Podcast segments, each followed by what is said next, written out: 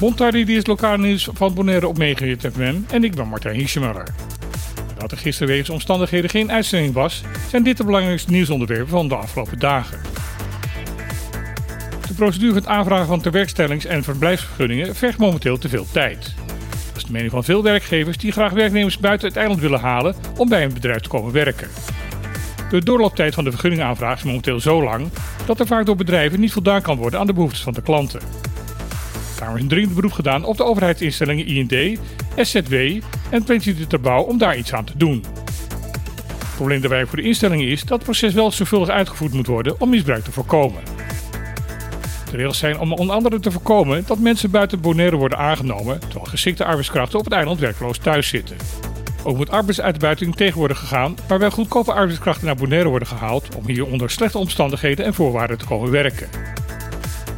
Om toch werkgevers tegemoet te komen, gaat er nu een zogenaamde High Trust Pilot gestart worden. Hierin krijgen 12 bedrijven die na onderzoek betrouwbaar zijn gebleken de mogelijkheid om voor nieuw personeel een verkorte procedure te doorlopen. De bedrijven zijn uit de onderwijs, zorg en toeristensector. De proef duurt een half jaar en zal daarna geëvalueerd gaan worden. Het was al een poos in wens van de Tourism Corporation Bonaire. Een rechtstreekse vliegverbinding tussen Canada en Bonaire zonder tussenstops. Gisteren werd bekend dat deze verbinding, in elk geval voor het winterseizoen, er nu gaat komen.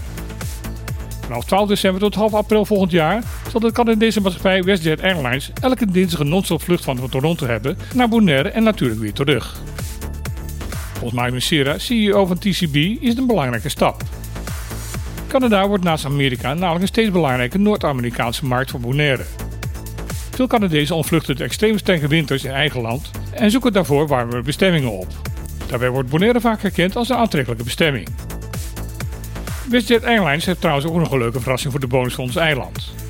Ingezeten van Bonaire die juist de kou wil gaan opzoeken, kunnen we met WestJet Airlines tegen gereduceerd tarief Toronto gaan bezoeken. Wie Nederland wil gaan bezoeken of voor toeristen die via Schiphol naar Bonaire reizen, is er ook goed nieuws. Voor de komende drukke zomerperiode heeft de Amsterdamse luchthaven extra maatregelen genomen om de wachttijd bij de veiligheidscontroles drastisch te verkorten. Was het vorig jaar bij de zomervakantie gebruikelijk dat je bij de centrale plek voor de controles langer dan een half uur stond te wachten? Nu wil Schiphol dat dit jaar 95% van de reizigers niet meer dan 10 minuten in de rij hoeft te staan. Daarvoor heeft de luchthaven onder andere veel meer personeel aangenomen. Verder wordt nu ook voor de intercontinentale vluchten een tijdslotsysteem ingevoerd. Hierbij reserveer je van tevoren gratis een bepaald tijdstip waarop je door de controle heen kunt.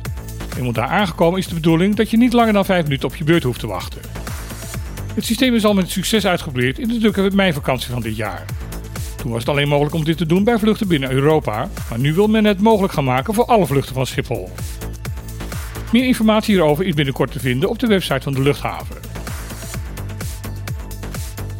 Vorige week werd het bekend dat minister van Justitie, Jezus Sekerius, de nieuwe aangescherpte wetgeving rondom seksueel grensoverschrijdend gedrag voor Europees Nederland niet van toepassing wil maken op Caribisch Nederland. De huidige zedenwetgeving van de BES stamt nog uit de tijd van de Nederlandse Antillen en is zwaar verouderd. Zo blijkt bijvoorbeeld dat bij de nu geldende wetgeving in bepaalde specifieke gevallen verkrachting niet strafbaar gesteld kan worden. Volgens Jezus Sekerius is de kwestie zeer complex en kan de Europese wetgeving niet met wat plak en knipwerk geschikt gemaakt gaan worden voor Caribisch Nederland. We zijn ermee bezig, zei de minister tijdens het debat in de Tweede Kamer, maar ze kon niet vertellen op welke termijn daar een resultaat van te verwachten is. Fractieleider van de ChristenUnie, Miriam Bikker, was het daar niet mee eens en diende een motie in waarin de minister wordt gevraagd om met grote spoed te zorgen dat de huidige zedenwet van de BES wordt aangepast en naar deze tijd wordt gebracht. Gisteren werd deze motie met zeer grote meerderheid in de Tweede Kamer aangenomen. Alleen de fractie van PVV en de vorm van democratie stemden tegen.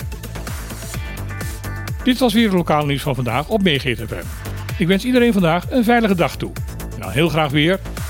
Tot morgen.